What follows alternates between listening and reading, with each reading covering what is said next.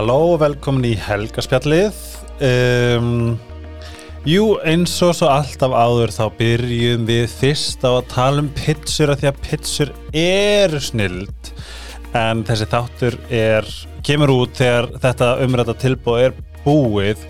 En þá er ég meira að hvetja ykkur til þess að vera up to date til þess að geta keft pitsur af matseli hjá Dominos á hálfurri en það er netaður akkur núna sem þýðir að þið getið valið hvaða pizza sem er á 50% afslætti. Ef það er ekki góð til þá veit ég inte hvað. Ég mæli með ángurist, prófið Cajun komboið með pizzasósu og þakki mér svo setna uh, það, kom, það er alveg að koma mæ þess að það þýðir að það eru þrjári nýjar pizzur að koma á tríóið og ef þið eru mörg þá er mat þá sko marg borgar matarbóðið sitt. En matarbóðið er til bóð á tilbóðs þetta, gæðum þeirra.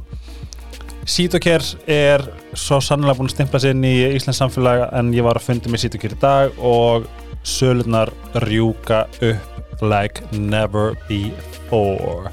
En hérna Uh, er svona þetta bara segir nákvæmlega hérna, þetta er svona talið svona máli þegar maður byrjar að nota þér en ef þið viljið skoða og pröfa þá er þetta alltaf testrar í Livju og í næstu verslun. En travel kitið er mjög góð leið til þess að skoða og pröfa sig áfram í þessum húfurum. En inn í því er face creamið, handcreamið, body lotionið og body skrúpið ef þið viljið kaupa þér ódurri notið þið kóðan helgaspjallið. En ég er svo spenntur fyrir gæsti mínum en uh, ef þið eru í sambandi eða ekki í sambandi breyt sem ekki máli þá er þetta þátturum fyrir ykkur og þetta er konan fyrir ykkur. Sérstaklega ef þið er í vesenu við makan ykkur að þið eru með sambandsráðgjafa extraordinaire Kristín Tómasdóttir.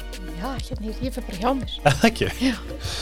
það var svo gaman að skrifa til þín að því að ég þekk bara svona ég er að heyra nafninar aftur. Ég er búin að heyra nafnið svo oft út á götu. Ú, þetta er pínur svona Sex and the City vibe.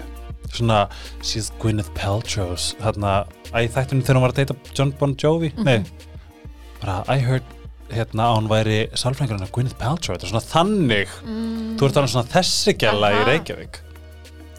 Já, hérna. Hvernig líst þér að það? Ég, ég allan áttaði mig ekki á því sko. En hérna Núna þegar við erum orðin í Facebookinu þá skal ég halda áfram að baka þig. Já, bara endilega, bara anytime sko. Er bara, en maður er ekki tjónabandsrákjaði vina sína Þannig að þú eru að fara að valja að vera vinnu minn. Já, ok, við slum endur skoða mm þann ég sett bað fyrir ykkur að vita þá bað ég hennum að vera vingur mín Mm. sem er svolítið uh, djarft. En uh, á svo sannlega rétt á sér þú ert á svörtum Jimny. Já, ég er á hvítum. Já, sem að er svolítið cool já, akkurat uh, Ert þú hér frá Reykjavík? Uh, nei, ég sko það fyrir eftir hvernig þú skilgrinni frá sko. ég ólst upp í Nóri ég segist alltaf Nei. vera svolítið mikið norsk sko. en hérna þegar við fluttum heim til Íslands aftur þá var ég búin að búa mér en hálfa æfi minn í Nóri og þá fannst mér alltaf bara að ég vera eiginlega norsk sko. Býðu hvernig flyttur heim? svona, ég var 15, 14 ára þegar við fluttum heim Að Það? já, Og tölar íslensku heima? Já ég tala íslensku heima og hún var hann ansi bjöguð Já. Og ég hérna um, fjall fjóru sinum í íslensku hundra í mentaskóla fjóru sinum En það er íslenska alveg óg, sorry, Já, ógeðslega leiðilegt fag í Já. mennskóla þú veist. opaslega leðilegt ég, en ég, ég hef skrifað sex bækur á íslensku síðan þá. Mm Hvaða bækur? Heyrðu, ég skrifa svona sjálfstyrkingabækur fyrir stelpur. Það og reyndar eina fyrir strákarleika eitthvað sem við höfum með- séð Já, já, Ertu bara í jólabókaflóðinu og já, já, Bella Nei. sagði- Ég var eins og á milli Arnaldar Indriðarssonar og Issu Sigurdóttur hættu Mæltrelda, hún líka bók landsins Það er svona að þú ert líka takkablaðis rithöfundur mm. Hvað dreif þig áfram í að skrifa bók? Bækur? um, Sko, alla bækuna mínar þær fjalla um hvernig þú getur fengið sterkari sjálfsmynd og hann voru svona hugsaðar fyrir unglingstelpur. Já. Og svo langaði mér til að skrifa svona fyrir stráka líka og ég gerði það með vinni mínum Bjarnar Fritsinni Mhm. um, og hann hefur svona haldið áfram með það fyrir stráka. Og ég hef haldið mig við stelpur og held svona sjálfstyrkinganámski fyrir stelpur. Vá, og þetta gerði ég bara allt vegna þess að það sem hefur sterkast að fórspagildum hamingi í framtíðin er sterk sjálfsmynd sko ef við viljum vera hamingsum í framtíðinni þá þurfum við að hlúa vel að sjálfsmyndinu okkar og vera með hann hreinu. Og sjálfsvitund, helst það ekki hendur. Sko, sjálfsmynd er það sem við hugsum um þegar við hugsum um okkur sjálf. Mm. þannig að þú getur náttúrulega að kalla uh, vitund líka. Mm. Finnst þér ekki skrítið eitthvað neginn áttu, nú átt þú fjöguböð takk að bless, Já. hvað er elsta? hann er 12 að vera 13 að því að sko það sem mér fyrir svolítið er, jú, erfitt er að horfa á einhvern veginn kynnslóðina nýju. Mér finnst hún virka sko ennþá harðar á sjálfan sig en nokkuð tíma fyrr. Ertu með mig þar?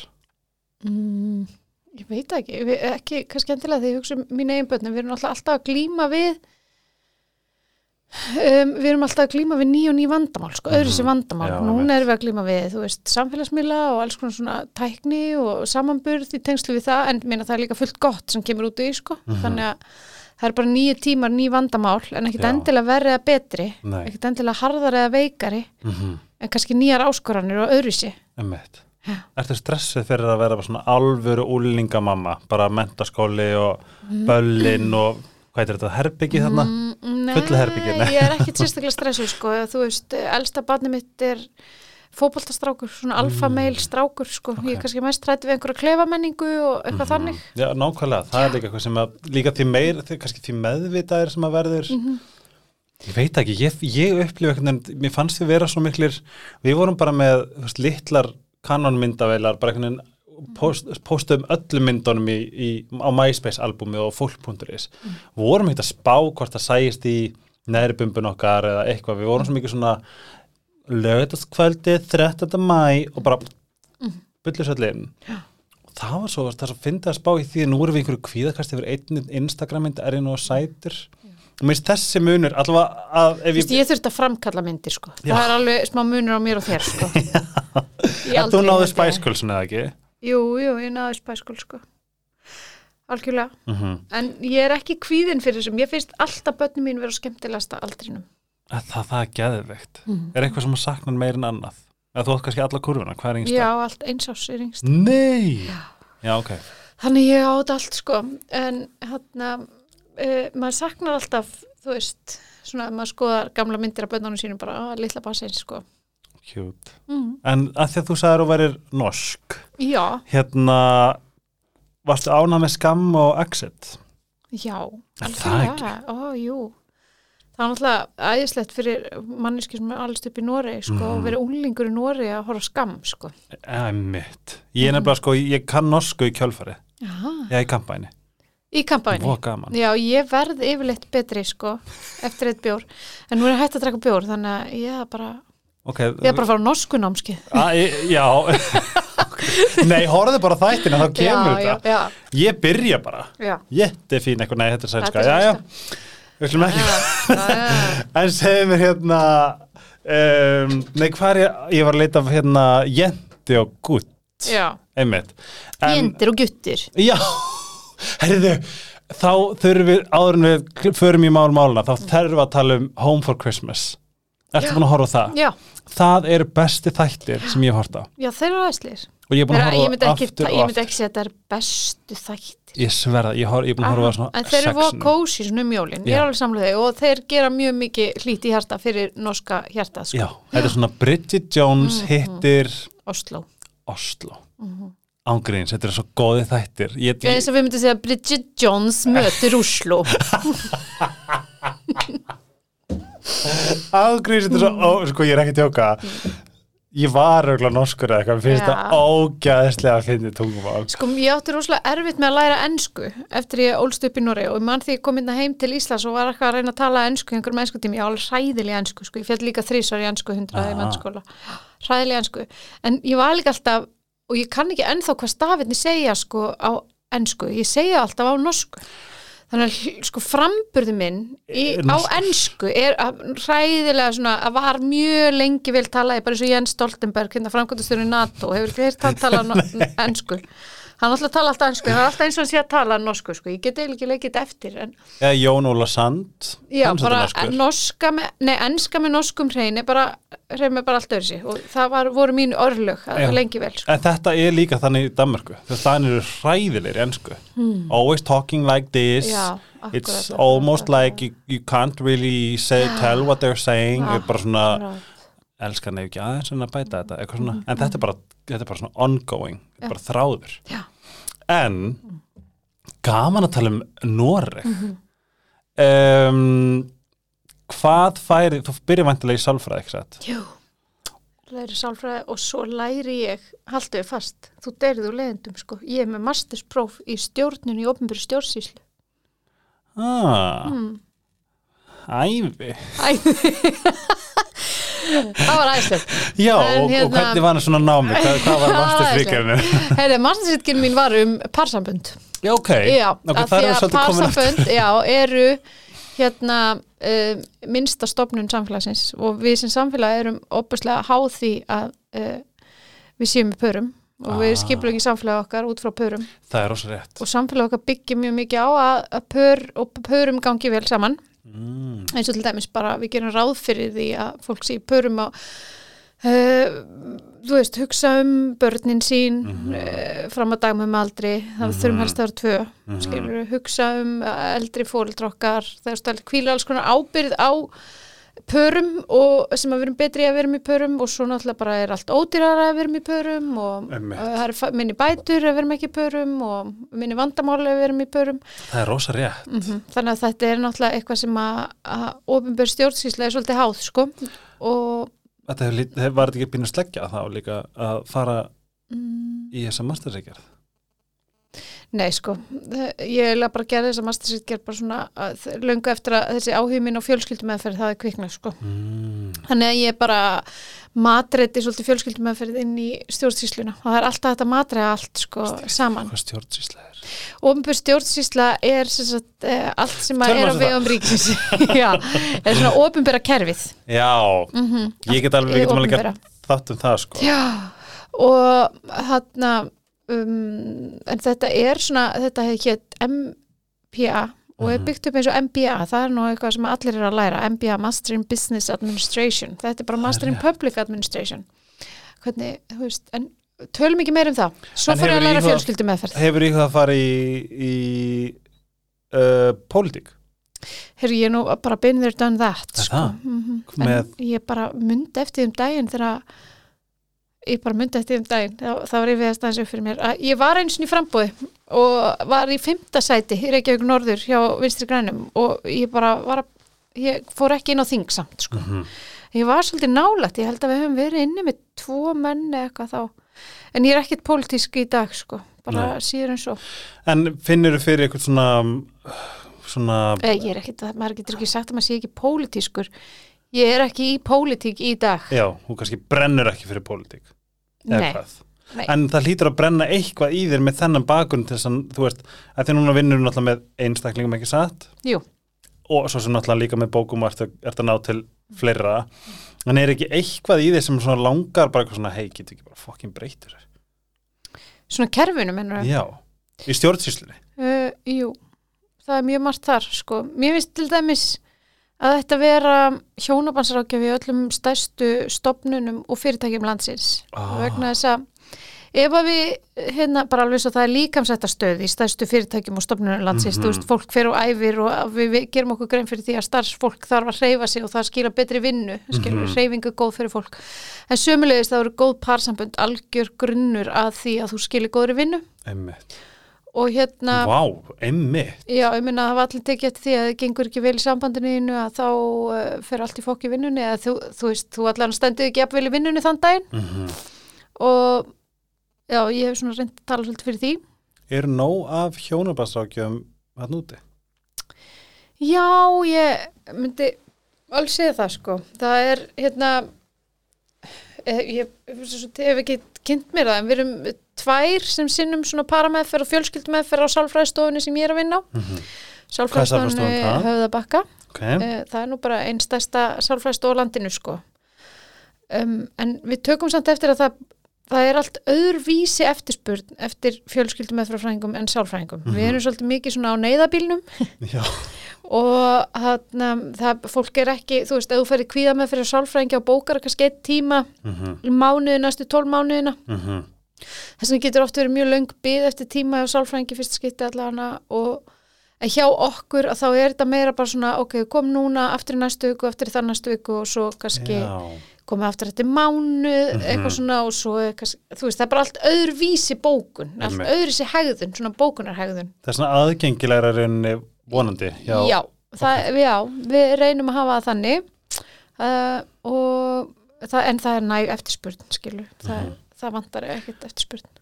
Þú ferð í hjónabals eftir stjórnsýslunámið Þá fyrir ég að læra fjölskyldum meðferð, já. og er það mastersnám í rauninni? Mm, já, þetta er hérna, Já, framhaldsnám. þetta er svona klínist nám í fjölskyldumæðferð sem hún læri endurmentun Mhm, en svo getur þú skrifa mastersritgerð og fengið masterspróf en mér langar að fara í sko doktorsnám, það er svona mér finnst hérna uh, rannsóknir alveg jafn skemmtilegar og mikilvægar í þessu eins og bara að vinna á stofu í, með fólki og mér finnst mjög mikilvægt að nýta slíka vinnu í að sapna gögnum fyrir rannsóknir þannig að við vitum meira skilur og getum hérna verið með einhvern svona grunn til þess að byggja á það þetta er fyrir eitthvað ný fræði sko.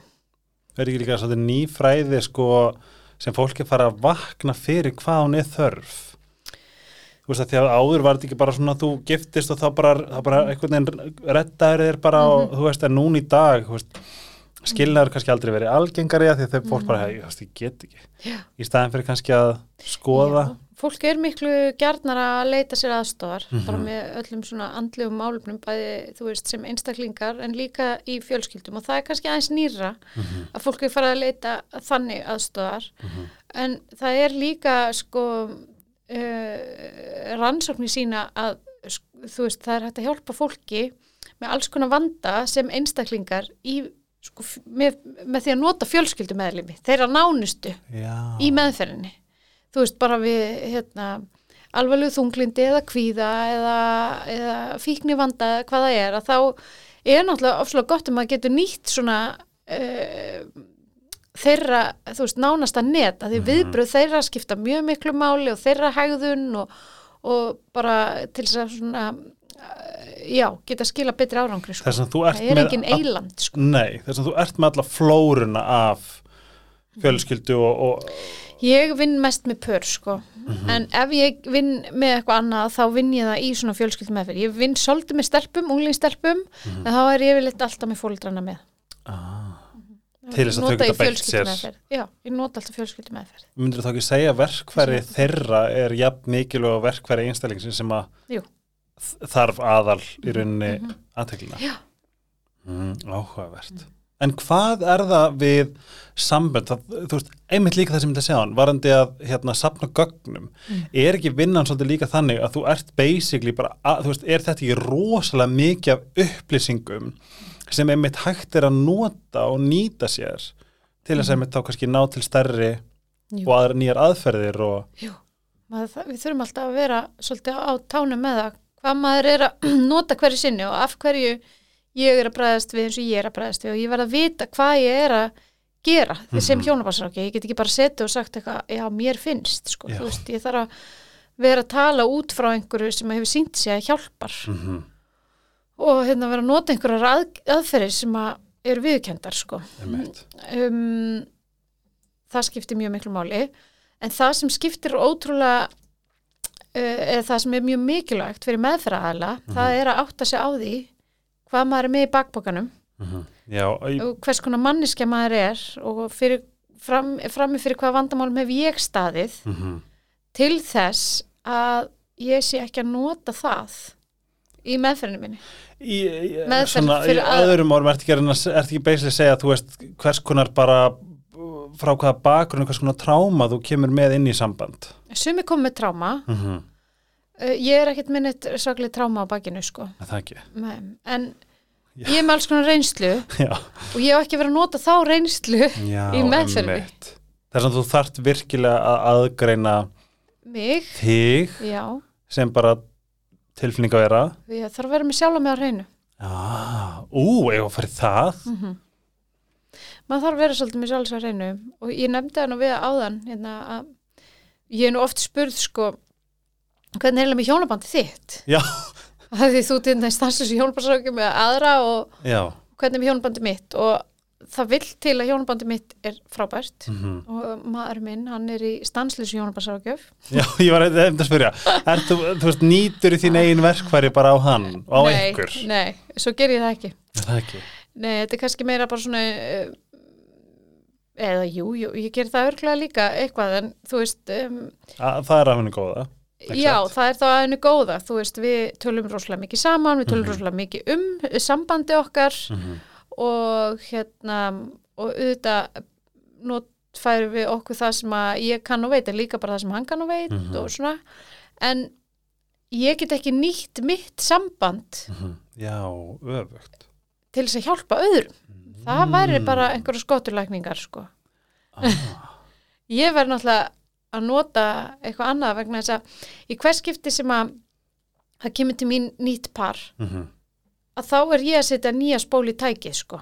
Já, þú meinar Já, já, já, þeirra vandamál er ekkit þau sömu og vandamál annara. Mhm. Það er ekkit eitthvað það sama sem ég nota í hvers skipti sem fólk kemur til mín og það sem ég, ég líti á sem mitt hlutverk er að reyna að hjálpa fólki að finna sína lausnir Mhm. og þeirra lausnir er ekkit endilega mína lausnir og mína lausnir er ekkit endilega þeirra lausnir. Einmitt sem Þannig að- flækir þetta alveg smá því hún vildi óska Já. sem að gæti bara verið með einhverja formúlu verð svo góð já, heyrðu, ok, það er framjáhald, þá gerir þetta svona, Já, nákvæmlega. Er ekki þá pínu gaman, veist, færið ekki smá svona sem akademari Mm. svona, ú, hvað ætli komið núna? Mm, jú, er þetta ekki svona alltaf. pínu svona Mér finnst mission? alltaf gaman í vinnu minni alltaf. Það, mér finnst öll mál skemmtilegt mér finnst allt fólki sem kemur til mín skemmtilegt mér finnst allt bara já, bara alveg frábært við vinnu mína. Og spennandi og bara ég er svo þakklátt fyrir að fólk treysti mér fyrir svona sínum náttúrulega dýfstu og innilustu og eiginlega leiðlustu og vestu stundum sínum sko mhm. og það bara, mér finnst bara svo frábært að fólk vilja koma til mín og ástæðan fyrir að sko ég er ekki að gera lítið úr auðvitað koma mikið erfileikum og fólk á vondum stað en það sem er svo frábært er þegar maður getur kannski hjálpað, getur hjálpað fólki að líða betur og maður sér fólk líða betur og sér fólk ná árangri. Færið þá fullt af jólagjöfum? Um, Nei, ég fæ fyrri eitthvað fullt að jólagjöf frá kúnum sko. Nei, nei, nei, en ég fæ mjög mörg okkar. hlý orð. Og, en máli er ég bjarga engu, ég er ekkit að laga sambönd, Mm. ég hjálpa fólki að laga samböndin sín. Mm. ég er ekkit eitthvað þú veist en þetta er svolítið svona ég rætti þetta mitt við ljósmáluna mína þegar ég var að fæða hérna, síðasta batni mitt að bara maður verður rosa svona vá, maður verður svo þakkláttur ljósmálun sinni, að því hún er með manni á bara einni erfustu stund lífsmanns. Og hún verður einhver hetja. Já. ljósmáðurinn er sett í einhvern svona dýrðarljóma sko, ef að vel gengur. Og það sama er stundum ég nýt stundum góðs að þessu. Og það er ekki að því að ég er einhver dásemdar dýrðarrengill heldur. Að það sem að ég er að gera er að ég er komin í líf fólks á erfiðum stundum og styðja í gegnum í áttina að einhverju betra. Og þá er maður stundum settur í dýrðarljóma Það er óslega kjút, mm það má líka. Já, ég er þakklátt fyrir það. En hérna, nú spyr ég, þú veist, að því að ég segi, ég hef heyrt nafn eitt svo oft og mér finnst það óslega gaman. Það er svona, mér finnst það pínu cool. Hvað myndir þú sjálf halda að sé svona narratifi þegar talað er um Kristínu Tómas? Ég, það veit ég ekki. Bara ekki hugmynd sko. Það? Nei, segja er erfið spurning hvernig, hvað ertu þá að tala um hvernig ég held að aðri myndu, Svona, hvað heldur að narratifið um Kristínu sé myndu segja frá, frá mér Já, svona, af, í vinnunum minni mennur Já, já um, já, þú veist, ómuggat fara til hennar að því að, Mm. punktur, punktur, punktur. ég held að fólk segir stundum að því hún er ekki með neitt búlsi að hann segir stundum bara er orðið rétt sem ég ætla að segja. umbúðalust umbúðalust, já, Hún akkurat. búlsittar ekki. nei Það er, mér finnst það mjög aðdánavert og mjög cool. ég segi stundum hlutinu umbúðalust sko, Mhm, en ég segi aldrei fólki hvað það á að gera. Mhm. Uh, það halda margir að bara það segja margir á ég að skilja. Eða er hún að fara að segja mig hvort ég að skilja ekki? Það ger ég aldrei. Ok, og ég er aldrei eitthvað að skamma fólk eða eitthvað að rífa kjafti eða vera vondi eða eitthvað. Ég, það, þú veist, ég reyni eftir bara, frem, bara ég, það er eiginlega mest, stærsti hluta af mínu vinnu er samkend sko, Mhm. og bara finna til með fólki og, en uh, ég reyni að segja hlutina umbólust Og er það í rauninni ekki það sem að fólk svolítið þarf í þessari að, aðstöðu? Mhm. E, þú veist allavega, ég get allavega ímyndið með það, sérstaklega bara með bara hvernig bæði uh, ég hef nálgast svona fólk sem ég hef eitthvað bara verið að deila minni, miðla minn reynslu, þá hefur það yfirleitt verið að, að því að þú veist, það er svo, þú veist, sérstaklega í svona, þú veist, það er svo, það er svo erfitt stundum að vera vakandi. Þú veist, það er eins og maður, þú veist, og, og að vakna er endilega ekki dúllunálgun. Þú veist, já, en en, svona hér, þú veist, staðrindir og svolítið svona, einmitt, svolítið umbúðalaust, hefur að mínu leið og sömulegis hvernig mér var aðstöðað út úr mínu mm. sambandi það var ein vinkon minn sem basically bara, hún, ætla ekki sem hún hafi tekið maður teppið, en hún spurði krefjandi spurninga sem að svolítið svona opnuðu svona staðrindirnar fyrir fram að mig. Mér varst það að vera svo áhrifamikið. Sko, ég, hérna, mitt aðal svona meðferðatæki eru spurningar mm sem þú nefnir. Ég er ekkert að segja fólki eitt að neitt, sko, ég er bara að spurja þá kemst að sinni laust. Bara spyr og spyr og spyr til að svona, já, þetta er kannski það sem ég þarf að gera. Mm. En nú verð ég að spyrja Mm. að því að fólk veit að og er að koma ógæði að ég spyr um þetta Mm.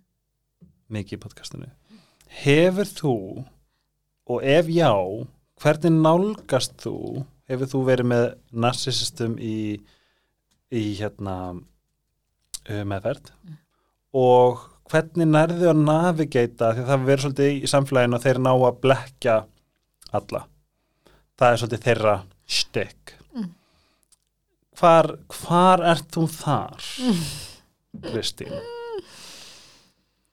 Sko, þetta bara gildir að samum þetta eins og allt annað. Þú veist, þetta er eins og að spurja, hefur þú verið með framhjáhaldara?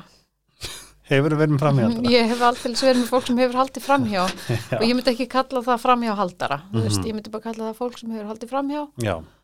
Ok, hefur Eh, það beitt, hefur, hefur verið með fólki sem að beitir narsisístiskri hegðun? sem hefur sínt narsíska hegðun um, sko ég hef alveg verið með fólk sem hefur beitt ofbeldi sem er ekki narsisistar Já. ég get alveg líka sagt það sko mm. Mm narsisismi er rosalegt tísku orð í gangi Mhm. í augnablikinu það ég tengi að svolítið við þættina The Undoing hefur orðað þá Nei, Nei, hefur voru að gera það hvað er það? uh, með Nicole Kidman og Hugh Grant Já, ég hef búin að heyra eitthvað frá því. mm, Er það á Undoing Netflix? þeir voru hérna uh, svolítið vinsælu tímbili mann ekki hvort þeir á Netflix en þar kemur uh, narsisismi aðeins við sögu og bara eftir það bara fylltust sófandi mínur að sagt, aðilum sem tengdust narsisistum Mm. fattar ég, það er búið að Mhm. greina alla narsisista uh, ég hef hitt narsisista um, þeir eru mjög sjaldan greindir. Mm Það er Eða, sem sagt, það er mjög sjaldan búið að greina þá sem það er enginn sem kemur til mín og segir ég er narsisisti nei, og það, ég sit ekki að vera að greina fólk hvort hvers konar geðsjúkdóma þau eru með. Er það ekki. nei, það ger ég ekki. Farið ekki svona, hmm, nei. Það. en maður þarf náttúrulega að vera meðvitaður um þú veist, andli veikindi eða maður vera meðvitaður um hvað getur verið að hafa áhrif. Mhm. maður þarf að taka afstöðu gegn ofbeldi. Það er svona heila eina sem ég passa upp á að taka afstöðu gegn. Um, að annars er ég bara ekki að taka afstöðu. Mm -hmm, ég tek aldrei afstöðu. Bara, en, En er það ekki auðvilt vera blekt? þú veist, af hverju ætti fólk að koma og borga mér fyrir að blekja mig? Bara má alveg blekja mig, skilur það Já. skiptir mig einhver máli. Já. það sem ég er að hugsa sko að því að um, upp á sko hegðunamunstri er svo kalkulerað Mhm. til þess að lúka eins og bara, eins og bara Amber Heard núna og Johnny Depp mm hún er svona, hún er reyni greinist með borderline. Sem er bara narsism á styrum eða ekki nei, ég Nei. myndir ekki orða þannig Næja, Nei. hvað veit ég er þetta er mismunandi persónuleik en sko máli er, bara þess að svara spurningunni mm -hmm. hvernig ég meðhandlaði ég meðhandlaði ekki neitt öðru sé en eitthvað annað Það það sem að ég er alltaf að hjálpa fólki með er að bæta sambandi sitt mm -hmm. og hvort sem fólk er narsisistar eða ekki, Mm -hmm. að þá er maður að reyna að hjálpa fólki -hmm. Að líða betur í sambandinu Já, og ég held að það er alveg hægt að vera með um, vera narsisisti og vera samt í góðu parsambandi Það. ég held að það sé alveg hægt að vera alkoholisti og vera í góðu parsambandi ég held að það Mhm. Er sé alveg hægt að vera þunglindur og vera í góðu parsambandi Já. Ég held það, en þetta getur alveg haft áhrif. Mhm. og við erum svolítið að passa okkur í því að, að þú veist, festast ekki í einhverju svona um, æ, þú veist, það er bara svo ótrúlega algengt að ég heyri til að að þú ert bara eitthvað geðvik, það er ekki hægt að vera með þér. Mm. ég þarf alltaf að skoða dýna mikið sambandi. Ef að fólk vill vera saman og það Mhm. kemur til mín til þess að bæta sambandi sitt þá þarf ég alltaf að skoða samspili milli einstaklingana Einmitt, og þá get ég ekki tekið bara eitthvað annan aðilan út fyrir svega Já, þú, og hugsa, ok, saman. við þurfum að lækna þig hérna breyta þér svo þið getur verið saman. Það er ekki hægt, við þurfum bara að skoða ok, hvað getum við gert hérna til þess að ykkur líði betur saman? Og það skiptir ekki máli hvort það er narsisisti eða alkoholisti eða þunglind er einstaklingur eða komið upp fram í hald eða bara mitt markmið Mm. og mitt hlutverk er ekki að lækna narsisisma mitt hlutverk er að hjálpa fólki að líða vel í sambandi. Mhm. stundum þarf ég að hjálpa fólki að skilja stundum þarf ég að hjálpa fólki að bæta sambandi sitt Mhm. og stundum þarf ég að hjálpa fólki að vita hvort það vil vera saman eða ekki Mm. Ah. þannig að hvort það er narsisistar eða eitthvað aðnað Mhm. það bara skiptir rauninu ekki máli Það því ég, þegar- nú byggja þetta sjálfsögðu frá persónlega reynslu. Já. Hvað var, hvað svona, hvað ég upplifi og líka bara þeim sem ég hef leiðbend, bara svona að, að, að það er oft, þá er ég að tala um sko, sérstaklega sem er narsíska hefðin, þetta er svo mikið lost cause. Þú veist, rauninni, til þess að, fjárfesta í framtíð, í rauninni eitthvað svona sem er, er svona holdbart, sem er svona raunsætt að geta náð fram í framtíðinni ég segi alltaf get the fuck out sko, og þá komum við svolítið að þessu með að hérna, það er mjög háskilnaðatinni mm -hmm. á Íslandi og Ertu við viljum pro-divorce? það ég meina við viljum að fólk geti skilið, við búum bara í þannig réttaríki sko, og, og að fólk sé ekki fast í einhverju parsambandi sem það vill ekki vera í. Sko hérna áður fyrr, þá snýrst Mhm. líka þegar þú segir hjónabönd. þetta svona. My God, já, já. Já, hérna áður fyrir voru hjónabönd svona uh, samsett af efnagslegum ástæðum, þau voru samsett af já, bara þau, þau, hlutverk þeirra var ekki bara tilfinningalegt. Mm -hmm, og bara mjög oft ekki tilfinningalegt. Það var ekki aðal svona grundvalla stóðin í góðum parsamböndum. Heldur voru þau af öðrum ástæðum. Og hérna í dag þá byggja á tilfinningu. Ah. Miklu meira svona tilfinningalegum ástæðum af, af ást. Og þá komum við bara að hvað er ást? Mhm. það verður engum tekist að svara þeirri spurningu sko, bara heimsbyggingar til forna bara virkilega verið að basla við þetta, hvað er ást? Og þú myndir svara þessar spurningu allt öðru sem ég og hvað myndir þú segja ástæður? ég myndi eiginlega bara segja að ég ætla bara ekki að vera bara það hrókafull að halda að ég geti svarað þessar spurningu sko en, en fólk verður svolítið að finna það hjá sjálf sér. Einmitt. Vá, þetta er samt Og- góð spurning. Ég, ég held ég hef aldrei verið spurður. Nei, hvað er ást, þú veist, að því fólk heldur bara já, ég er bara svo ástfangin. Og, og en í, það, það er kannski það sem að er svona ástæðan fyrir því að, að, að fólk uh, er að skilja oftar, það er að það þarf að vera tilfinningalega ánægt í sambandinu sínu. Mhm. og, og sem segir okkar kannski bara hérna áður fyrir var fólk ekki endilega tilfinningalega ánægt í sambandunum sínum en bara en var það bara, voru bara, í, já, bara áfram gakka því að það var það sem hendaði einmitt. og skilnaður þá var væntalega bara frekar tabú mjög sjálf, mjög sjaldgæft. sjálf, mjög sjálfgæft. og þetta er ekki sem við tala hann síðan Nei, ég man hérna ég var í mjög skemmtilegum útast uh, þætti fyrir svona ári síðan eða eitthvað sem að tók Hvar? svona gamla útast þætti upp á rúf já. og bar þá saman við, þú veist, nútíman og þetta var sem sagt útast þáttu frá held ég 1900 og 40 eða eitthvað svo leis 1940, 1900, milli 1940 og 1950 og þetta var útastáttur um hjónaskilnaði var útvarp þá?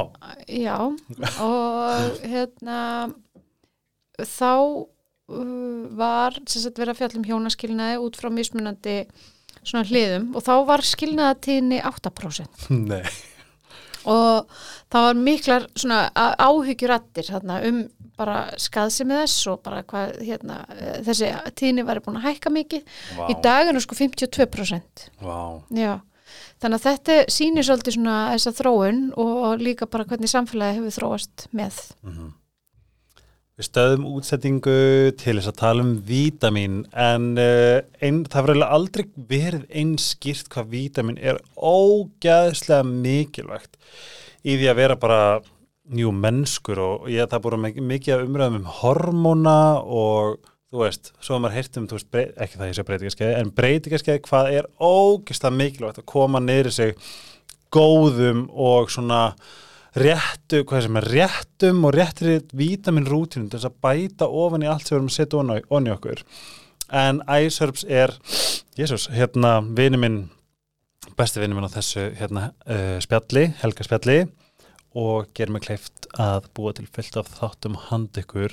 En það er svo brjálaslega mikið bóði og þetta er hánáttúruleg uh, íslensk uh, vítaminubætefni en ég tek astasatin, rauðrófur, sterturmerik, D-vitamin og C-vitamini, magnesiumið, uh, astasatin, maður verður að taka það sérstaklega þegar komur svo mikið sól, svo við getum verið brún og verið með glow, það er svona, ég mæli svo sannlega, og líka, uh, það er alltaf fyllt á tilbúðum í gangi, svona mæli með að fylgja það með Instagram sem er iSerbs Natural Su- Supplements. Um, að það er alls konar og líka á heimasíðinu er að þar eru pakkar með uh, góðum tilbúðum og ef maður kaupi pakka þá fáið það sjálfsögðu dolluna á ódýraverði. Við höldum áfram með spjalli við Kristinu, let's go. Hvað myndir þú sem fagmaður, hvað vilt þú meina sé um, uh, me, uh, ekki mestu heldur helstu stóðir heilbrið sambands Ég myndi segja að það væri vinátta í fyrsta lagi vegna þess að ef þú spyrð rosalega hamingjusam pör, af hverju eru því svona rosalega hamingjusam? Mm. Þá er tíðasta svari vinátta. Vá, ég En svo er munurinn á góðu vináttu sambandi og góðu ástasambandi. Það er að sé einhver ástriða til staðar. mm, Það mælist ekki því hversu oft fólk stundar kynlíf. Mm, Heldur bara að sé einhver ástriða til staðar. Eitthvað aðeins öðruvísi en vinátta. ah, Uh, svo myndi ég segja að eitt af því sem skiptir svolítið miklu máli upp á að pa góð parsambönd endist er að fólk sé svolítið að stefni sömu átt eða mhm, að deili uh, lífskoðunum mhm, svona í grunninn. Gildum Já, gildónum sínum, en ef ekki að þau ber þá allan bara mikla virðing fyrir því að það sé ekki að hafa mikil áhrif. Mhm. Vegna þess að ef að þú veist annar aðlinn er hægri sinnar og hinn er vinstri sinnar og annar aðlinn er kjötætt og hinn er vegan og einn er hérna, trúlýsingi og hinn er katholikki, mhm, að þá verða rosalega miklir árekstra, sérstaklega í tengslum við bara uppeldi badna. Mér finnst svo gaman að hlusta þetta Já. bara endilega haldt það fram Já, þannig að það er vinátta, ástriða, lífskoðanir og svo er það þekking. Og ég leik mér stundum að spyrja fólk og þekkist þið?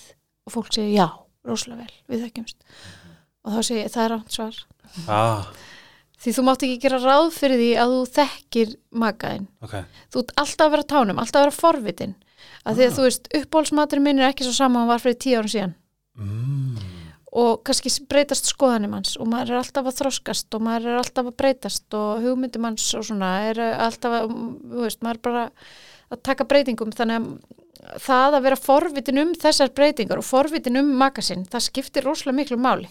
Gott ráð bæði Já, ef að þú, þú veist, þykist þekkja makaðinn eða hert ekki forvitin um makaðinn að þá hérna, uh, þekkir hann ekki, verður til miskilningur og hugsana lestur og miskilningur er algengasti vandi fólk sem sest í sófan til mín Það? Mm.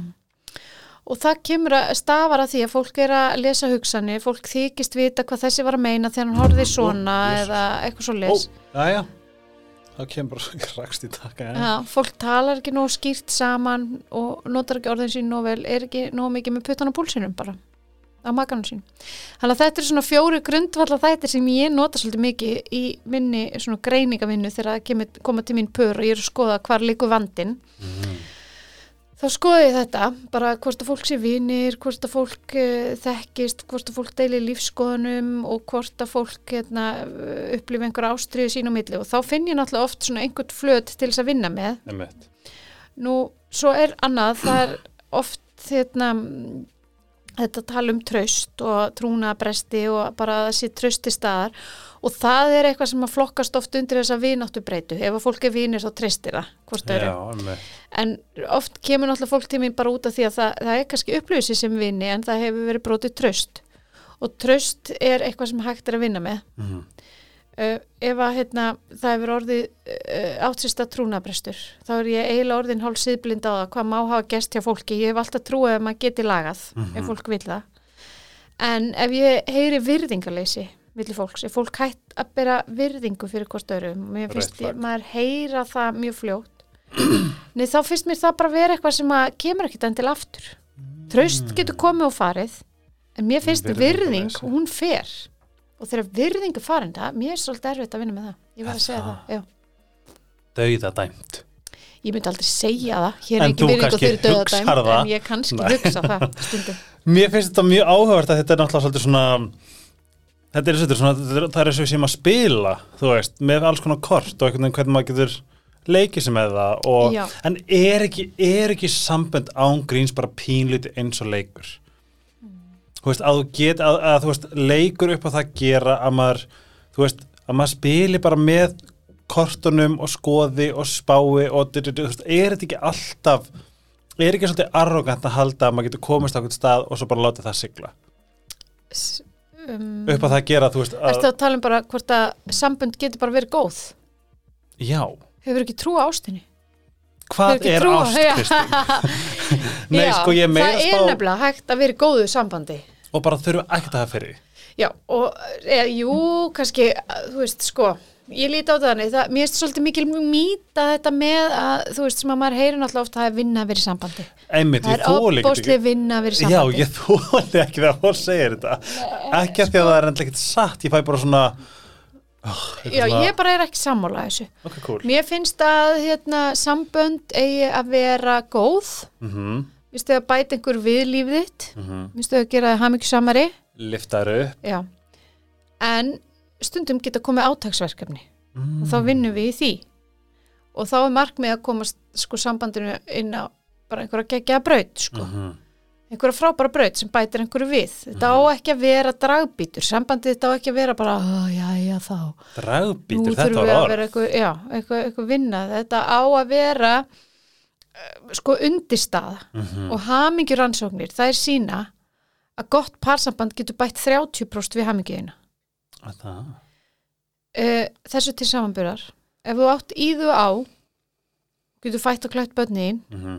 og bara, þú veist, greitt reikningana þeina að þá bæta 100 miljónir í lott og 2% við.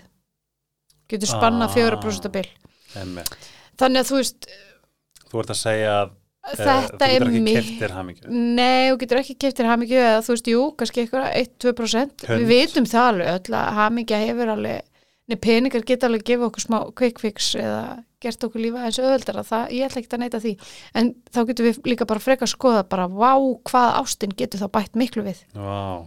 Vá, hvað gott parsamband getur bætt miklu við, en það getur líka dreigið úr, mm -hmm. slæmt parsamband getur líka dreigið rosalega mikið úr hamingju okkar. Getur ekki bara hægt að rálega bara drepa þig? Sko, má nú alveg segja það kannski einhverju leiti Í mínu tilfelli þá fatta ég hvað veist, þegar maður sér í rauninni hvað gekk á sem gerist náttúrulega þegar ég komin út mm þá fæ ég bara, þú, og þú veist, ég er ný komin þangað að ég hugsa kannski aftur. Mm. en mér fannst geðveitt að vera ég, mér fannst geðveitt að geta bara fengið mig kvöldmann þegar ég vildi og ráða og þurfti ekki að spyrja hann hvorki kongni prest. Veist, er ekki líka er ekki líka, þú veist eh, erum við ekki sammála um að þú veist að því að við tölum um í byrjun þáttarins þú veist, það, þú veist, við eigum að vera bara í pörum annars ertu við alla heil manneskja. Er það ekki líka bara, myndur þú kalla BS að það? Sko fólk getur verið orðið rosalega hamingjusamt við að skilja líka. Það varst að meina það. Já, emmitt Eh, stundum er það besta lausnin stundum er sambandi ekki að bæta neinu við hamingin mm. og þegar þú skilur, það er náttúrulega alltaf erfitt ferli og það er eitthvað sem við kunnum ekkert. Við erum að fá aðstofi að skilja vel. En eftir skilna að þá getur fólki liður óslega vel. Mm. en það sem við sjáum er oft á tíðum að því að kallmenn þeir vilja vera meiri pörum en konur. Að Það? Já, og við sjáum það á því að þeir ski, skilja síður, þeir taka síður ákvörðunum að skilja og þeir eru fyrir til að fara í önnu parsambund. Já, þú meinar. Og Og þetta er rannsóknir. mm Vá. þannig að það er nú einhverja svona feminískar tilgátur sem, sem vilja meina það að, að parsambund séu bara afsprengi feðraveldi sinns og eitthvað svona. og þau byggja því náttúrulega þessu Mm að kannski hafi bara þetta henda kallmennum betur en konur velja sér oftar að vera einar -hmm. Og við sjáum, þetta er náttúrulega líka bara nýjar tölur, þetta var ekkit svona hérna áður fyrr, konur hafði ekkit val um það hvort það vildi verið hjónaböndum eða ekki áður fyrr. Mm en eftir að þær fóru að hafa miklu meira val um það og með auknum, svona, auknum kvenréttindum að þá fór þær að velja sér meira frá því að vera í pörum. -hmm. og ef þú spyrð hérna karlmenn hvað er það sem þú myndir vilja laga eða breyta og bæta í þínu parsambandi þá er það uh, oft tíðustu svörin eru minni rifrildi og meira kynlíf Já. en tíðustu svör hvenna eru meiri tilfinningarlega nánd og meiri vinátta. Ég vil taka fram þetta eru sko rannsóknir frá Gottmann og Gottmann sem er mjög hérna hann er uh, vinnur í bandaríkjunum og rekur The Love Laboratory þar og er mjög svona frægur hérna fræðimaður á þessu sviði En nafn. Love Laboratories. já, en í, þetta er ekki það sem ég er að upplifa sófanum hjá mér? E- ekki endilega, en ég náttúrulega hef ekki haldið utanum það, en mér finnst, þú veist, mjög oft er það uh, bara fre- freka konur sem hvart undan of litlu kynlífi eða, Mhm. þú veist, ég heyri líka alveg konur hvart undan rifrildum og, og svona, mér finnst þetta pínu stangast á við það sem ég er að upplifa, en ég heyri sannarlega þessi fjögur orð Mhm. oft uh, þar segja að það þurfa að bæta annarkort og mikil rifrildi eða meiri ástriðu eða minna, meiri tilfinningarlegu nánd eða meiri vináttu.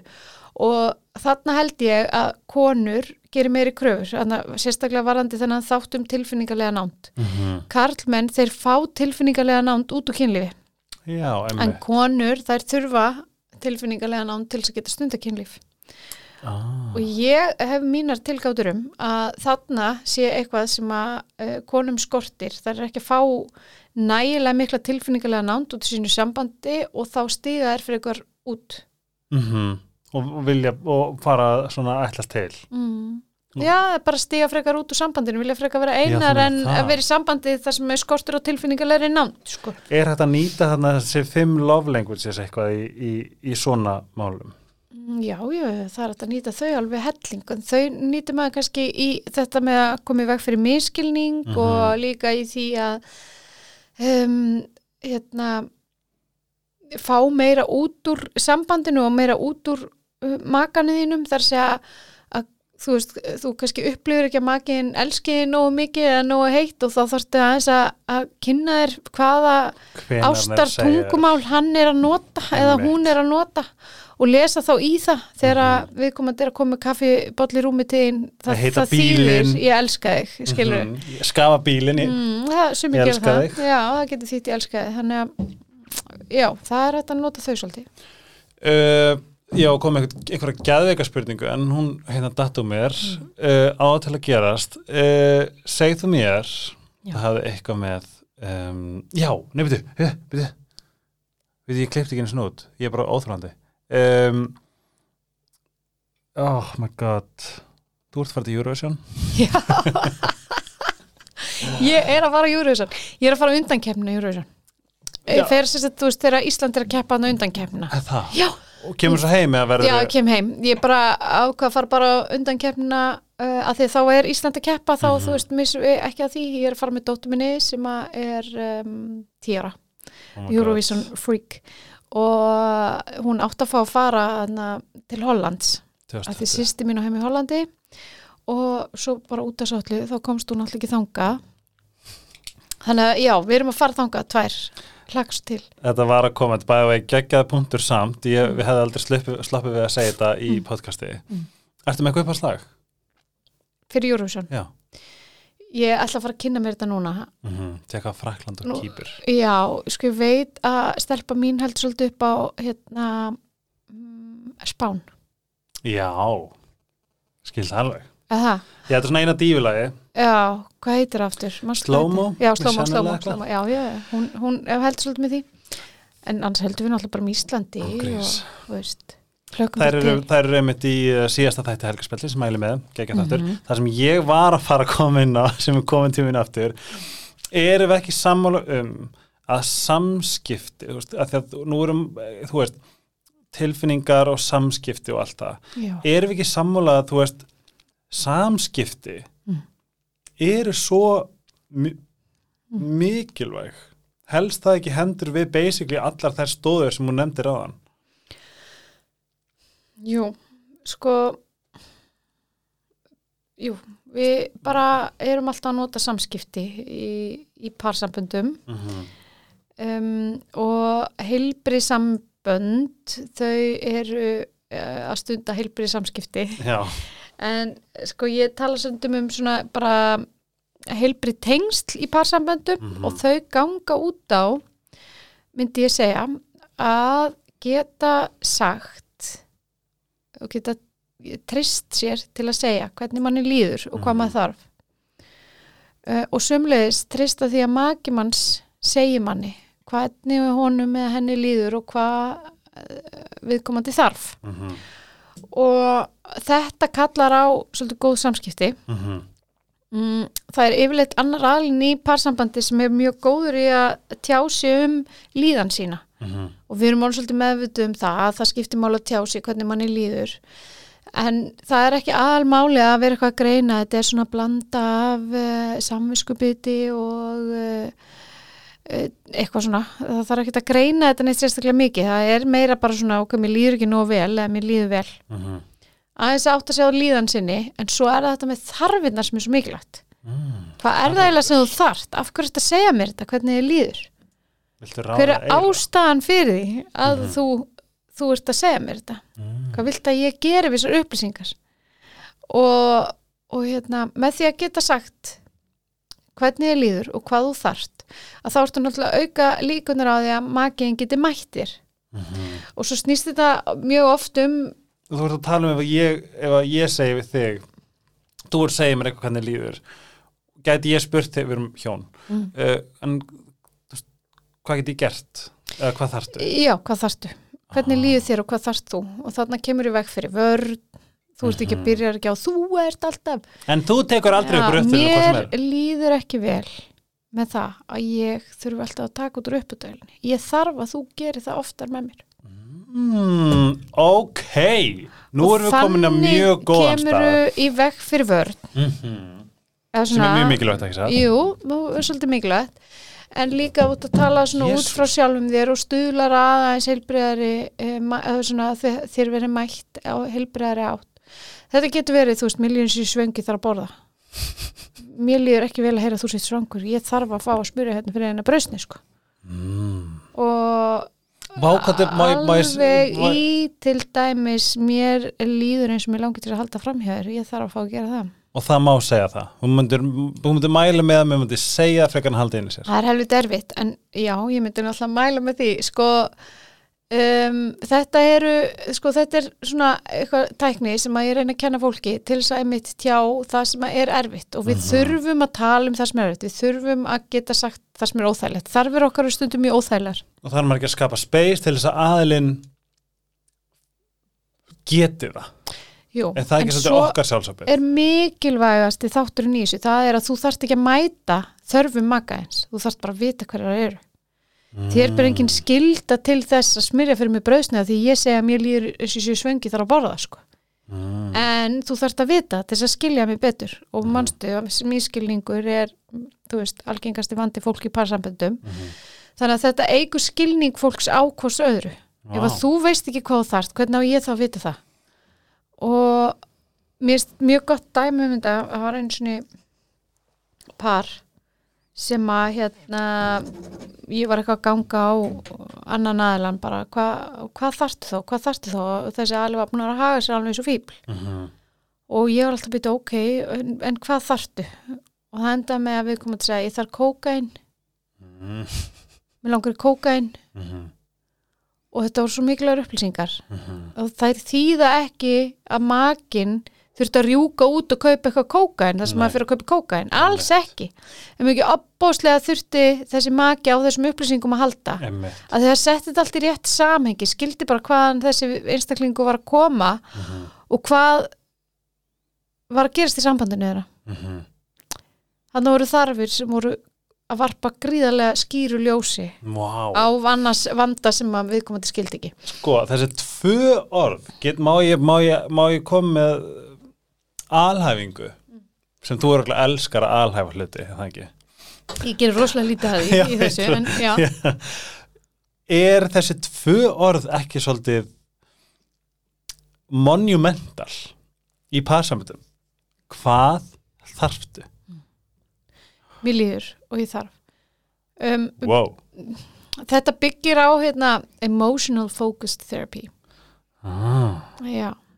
sem að uh, byrt, byggir, eða, kemur hérna, setur fókusin á líðan og tilfinningar Mhm. í staðin fyrir byrtingamindir þeirra þér líður ekki pyrringur þér líður einhvern veginn og þú sýnir það með pyrring Wow. þér líður ekki þögn þér líður einhvern veginn og svo þeir til þess að gefa til kynna Mér líður ekki pyrringur. nei, þér líður ekki pyrringur þér líður einhvern veginn og hérna og Vá. þú sýnir það með pyrring og það, þetta er bara svona varpar svolítið ljósi það, það, á það og gefur okkur smá tæki til þess að mæta þessari líðan eða þess að vinna með hana Mm Þannig- Skoðana. já, Hvað þarftu mér líður? Ég múin að segja oft í þessu hlaðvarpi uh, ég kallaði Bannorinn 3 Mm. Þú alltaf aldrei. mm. Megið það sens? það meikar alveg sens að þá fara svolítið vörn eða ekki, Jú, þetta er vörnin, skilju, en, en nei, þetta býður upp á vörn. býður upp á vörn já, Þú veist, ó, þú gerir þetta hvað sem er aldrei, mm -hmm, mm -hmm. skilju. nákvæmlega Það var bara eitthvað svona, Já. það er ekki, það var alltaf hægt að vinna með þetta. Mhm. En þetta, sko, uh, helsti parasérfræðingur í heiminum á tímabili, eða svona, ok, kannski ekki parasérfræðingur í heiminum, en e e einn parasérfræðingur heiminum, Mm he- heitir Tannen, Mhm. kona. Hún, Tannen. Tannen, hún Skrifa niður. skrifaði bókina That's Not What I Meant Ah. og hérna, hún er málvísindakona, Málvísinda kona. málvísindakona, hún var bara að kenna ensk málvísindi. Nei. Jú, og þangað til að pörin, nei, þangað til að hérna, nefndurinn að fór að rannast til hennar og segja bara, heyrðu, þú er búin að bjarga hjónabandinu mínu. Ah. Og þá fór hún að stúdera málvísindi hjóna, Ah. málvísindi para og hérna, já, komst að því hvaða skiptir miklu máli að skilja tungumál makasins nægilega vel eða rétt, Mhm. þú veist, þú getur sagt þetta er ljótur bolli eða þú getur sagt uh, ég hef séð fallari bolla þú myndir kannski segja ég hef séð fallari bolla ég myndi kannski segja þetta er ljótur bolli Mhm. um, en ef við myndum mæla á skalar ég myndi segja ljótur um, ef við myndum mæla á skalanum 0 til 10 Mhm. þá myndum við kannski gefa hann sem engun 5 Já. þannig að við Ah. þurfum að læra að lesa í tungumál hvers annars Mhm. og þú veist það er rosalega algengt að ég heyri bara hérna, það var ekki það sem ég meinti ég meinti þetta ekki þannig Mhm. ég meinti þetta ekki, that's not what I meant sko, Ah. þú veist þetta bara, eh, þú þarft að tala skýrt, veist að nota orðin þín eins og maður bara segir leikskóla Mhm. og, og pæla svolítið í því, velja vel orðin og fólk þarf að læra inn á hvort annað, eins og þetta með að bara mér líður og ég þarf, þetta er ekkit eitthvað líkillin á góðu hjónabandi en Pínu þarna samt. er maður að gefa fólki sameilu orð Einmitt. Mér finnst þetta að vera klárlega leikillin. Nei, ég segi Já, maður er kannski bara að kenna fólki eitthvað nýtt tungumál sko, sem að tala saman Mér finnst þetta briljant. Ég ætla samt að spyrja einnig spurningu sem ég veit að það fílar ekki. Já. En uh, að því að þú náttúrulega ert með mjög einstaklingsbundin mál og uh, einmitt alheifingar eru kannski ekkert uppáhaldið þitt. -hmm. En hver eru svona bestu ráð innan sambanda sem þú myndir vilja gefa út eða segja? Eða bestu ráð sem þú hefur fengið innan sambandsins? Þú mátt ráða Mm. hvernig þú beitir í Sko, ég bara gef rosalega lítil ráð. Ég held ég bara gefa aldrei ráð. Það er ákislega ég er eiginlega bara svona að hjálpa það, kannski það bara gott ráð að, að hérna, gefa aldrei ráð heldur hjálpa fólki að finna sína lausni fólk þarf svolítið að prófa sig áfram. Einmitt. Það getur kannski verið ráð. Því þú þarf bara að finna þína lausn og, stundum er já, kannski ættu þið bara að prófa það. Já, myndu vilja prófa það, ok, já. Eh, okkur prófið það ekki bara, og ef það gengur ekki þá prófið eitthvað annað og, Mhm. þannig að, já, svona prófa sig áfram og vera ekki svona ofbóðslega föst í þessu boksi Mhm. og við erum náttúrulega löng, eða, þú veist, ég er svo hrifin að því hvað við bara sem samfélag erum hægt að vera í einhverjum uh, boksum, þú veist, bæði varandi kyn og kynneigð og líka sambandsform og, og það er hérna oft svona bara að- koma með einhverja nýjar hugmyndi til fólks geta, eh, getur reynst mörgum vel að í stæðan fyrir sig að okkur gefa þeim ekki, ég gef þeim ekki ráð þið ættuð að opna sambandið ykkar, það myndi ég aldrei segja en ég segi alveg stundum bara já, viti að það er til fullt af fólki sem hefur opnað sambundin sín og það er bara hefur reynst þeim vel það hefur reynst uh, sumum vel sem hafa verið gift í mörg ár að- búa í sikkur íbúðinni en, en hérna vera samt áfram í ástasambandi þú veist að við getum hugsa alls konar út fyrir boksið Mhm. og það gæti verið ágætisráð Mm. fyrst þú endilega vilt ekki vera eitthvað ráð Ég elskar þetta ráð eitt var að gefa ekki ráð En uh, aðeins í lögin líka Já. Áttu þér eitthvað svona svona praktis fyrir þig sjálfa Mm. svona spiritual praktis sem að þú til þess að halda þér uh, sane halda þér í skorðum Guð, Halda ég þér í gráð, sko, hvað það var þar, ég er alltaf með einhverja dellur, sko, ég er algjör það? dellu kona, sko, og hérna meir segja að þegar ég útskrifast úr námi fjölskyldumæðferð þá bjóð ég til uppistand sem er svona fyrirbyggjandi parameðferð fyrir fólk sem er ekki í parasamböndum og í formi uppistands. Nei, Jú, ég flutta í, í þjólkuskjallarnum ég er svona uppfyllingarefni á sögu Garastóður. nei Jeps, hún leiði mér að vera uppfyllingarefni. Getur ekki haldið áfram Jú, ég hef alveg verið stundum að halda það sko, en uh, sko þar er maður að reyna að tróða inn einhverju svona fræðslu fyrir fólk um hvernig það getur fyrirbyggt að lendi í paravanda. Já, Að því, þú veist, þannig fólk fyrir ekki að panta sér tími á hjónubarsrákja og sest, en það fyrir á uppstand. já, Og í þessu uppstandi þá gerði ég mikið grín af þessum dellum sem að ég er með, sko. mhm, Og vegna þess að bæði er ég með alls konar dellur til þess að eitthvað lækna mig og svo reyni ég alltaf að tróða þessum dellum upp á fólki í kringum mig. emmitt og að því, þú veist, ég hugsa bara það er bara svarið Mhm, um, til dæmis crossfit mhm. bara alveg forfallin í crossfit og bara crossfit læknar allan vanda, bara stóðkyrrisvanda og hjónabansvanda og bara Já. reyna að tróða ég þarf stundum að halda fyrir munnin á mér til þess að vera ekki að eitthvað að tróða fólki í crossfit. Og líka bara svona þegar fólk segir já ég er í crossfit, ég bara í alvörunni? Vá, frábært, bara ég þarf að svona þú átt engin vandamál. Nei, Er þú átt ekki við, þú getur ekki hvart undan neinu. Uh, og hann ég tekin epleið ekki hlaupformi. Er það, er það til? mm Gerðu það sjálf? Nei, Kaupir það? góli. Nei, mm er það Fæst í Netto. Athletic? fæst í netto. Og þú gerir það ennþá?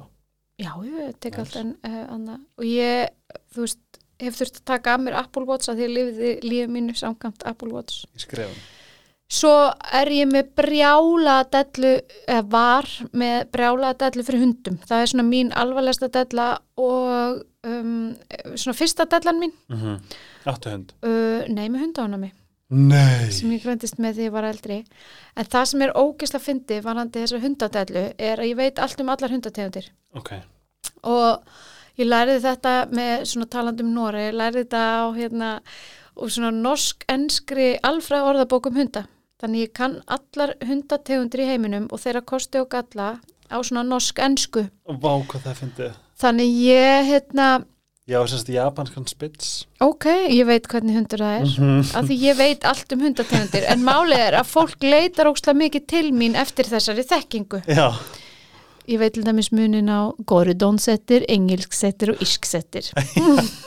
herðu og Hungarian Já, já, þetta er allt til Mhm. en uh, fólk er rosa mikið að leita tímin eftir þessum upplýsingum og bara, þú veist, að ég fá mér svona hund eða svona hund og hvernig hendur hendar, þú veist, við þessa fjölskyggjarð og bla bla bla bla bla Mhm. en fólk leggur ókslega mikla rannsóknarvinnu í það þegar það er að velja sér hund mm og þegar það er svo að velja sér maka þá fyrir bara að sleika á einhverjum skemmtist og lætur bara þar við sitja ah. og það leitar ekki neitt til mín hjónabansrákjans, mm. skilur á Vel- þessum stigum máls, fólk leggur ekki jafn mikla vinnu í það að Mhm. velja sér lífstíðar förunaut eins og það gerir þegar velja sér hund. Það má nefnilega læra rosalega mikið hundum. Ég var að hlusta á fyrir ekki svo lengu að það var kona að tala um uh, ef að þú myndir, hérna, ef það væri hundur sem þú myndir bjarga, sem var búin að vera í einhverjum traumatískum aðstæðum. Og þú myndir, þú myndir fara eða brjálaða hérna, æfingar með þessum, með þessum hund til þess að gera hann hreinin og beinan, skilur hjálpa honum og steyði hann og hérna allt þetta.